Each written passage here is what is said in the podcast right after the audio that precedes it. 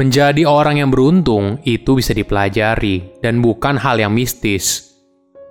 Halo semuanya, nama saya Michael. Selamat datang di channel saya, Sikutu Buku. Kali ini saya akan bahas buku The Luck Factor karya Richard Wiseman. Sebelum kita mulai, buat kalian yang mau support channel ini agar terus berkarya, caranya gampang banget. Kalian cukup klik subscribe dan nyalakan loncengnya Dukungan kalian membantu banget supaya kita bisa rutin posting dan bersama-sama belajar di channel ini. Buku ini membahas kalau keberuntungan ternyata punya peran yang besar dalam hidup seseorang. Apakah kamu merasa kalau kamu adalah orang yang beruntung? Apakah kamu bisa menarik keberuntungan dalam hidup kamu? Kebanyakan orang percaya kalau keberuntungan adalah sebuah fenomena yang misterius Padahal, menurut Richard, keberuntungan bisa dirubah dan bisa dikontrol. Keberuntungan adalah keahlian yang bisa dipelajari dan bisa dipraktekkan ke dalam hidup seseorang.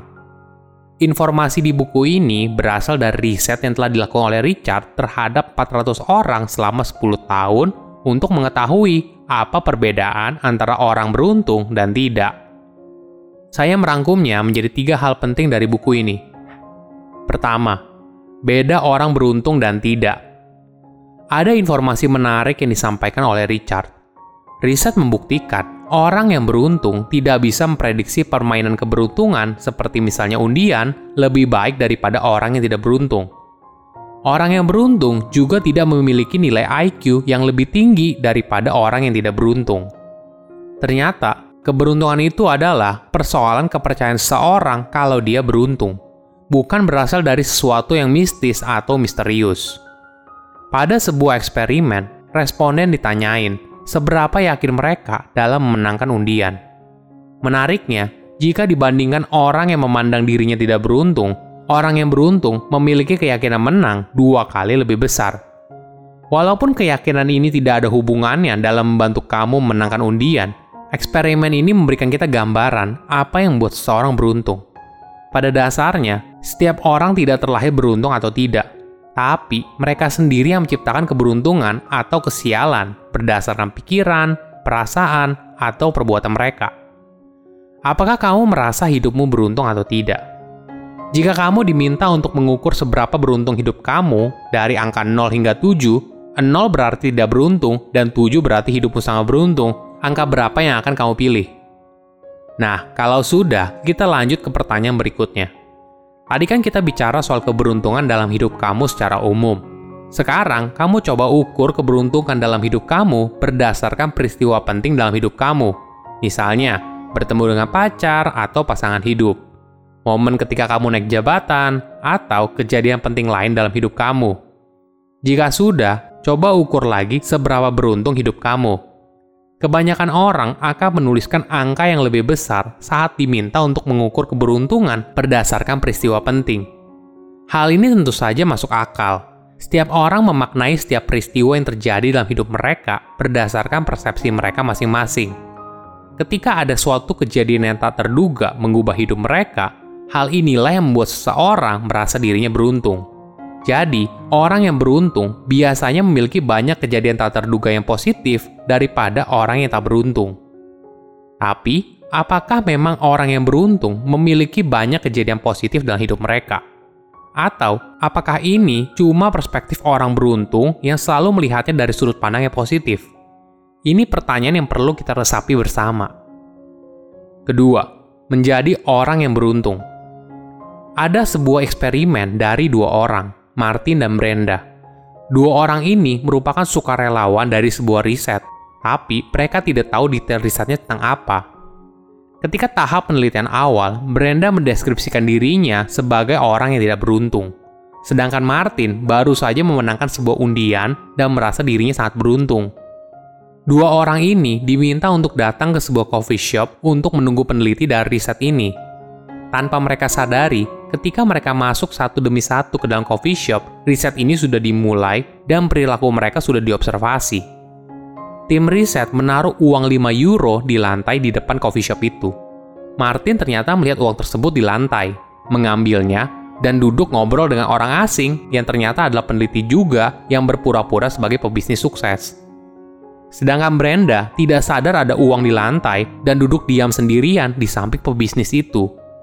Kemudian, ketika peneliti datang untuk mewawancarai mereka dan bertanya apakah hari ini ada kejadian beruntung atau tidak dalam hidup mereka, Martin dengan semangat bilang kalau dia nemu uang di lantai dan ngobrol seru bersama dengan seorang pebisnis sukses. Sedangkan Brenda bilang kalau pagi ini buruk. Dari eksperimen ini kita belajar kalau dua orang memiliki kesempatan yang sama, tapi hanya satu orang yang merasa beruntung. Orang yang beruntung merasa dirinya beruntung karena dia lebih sadar soal kesempatan yang ada dalam hidupnya. Mereka menciptakan kesempatan, menyadari kesempatan, dan bertindak ketika ada kesempatan dalam hidup mereka. Karakter yang umumnya dimiliki oleh orang yang beruntung adalah mereka cenderung lebih rileks, terbuka pada hal baru, dan menjaga hubungan pada pertemanan yang luas.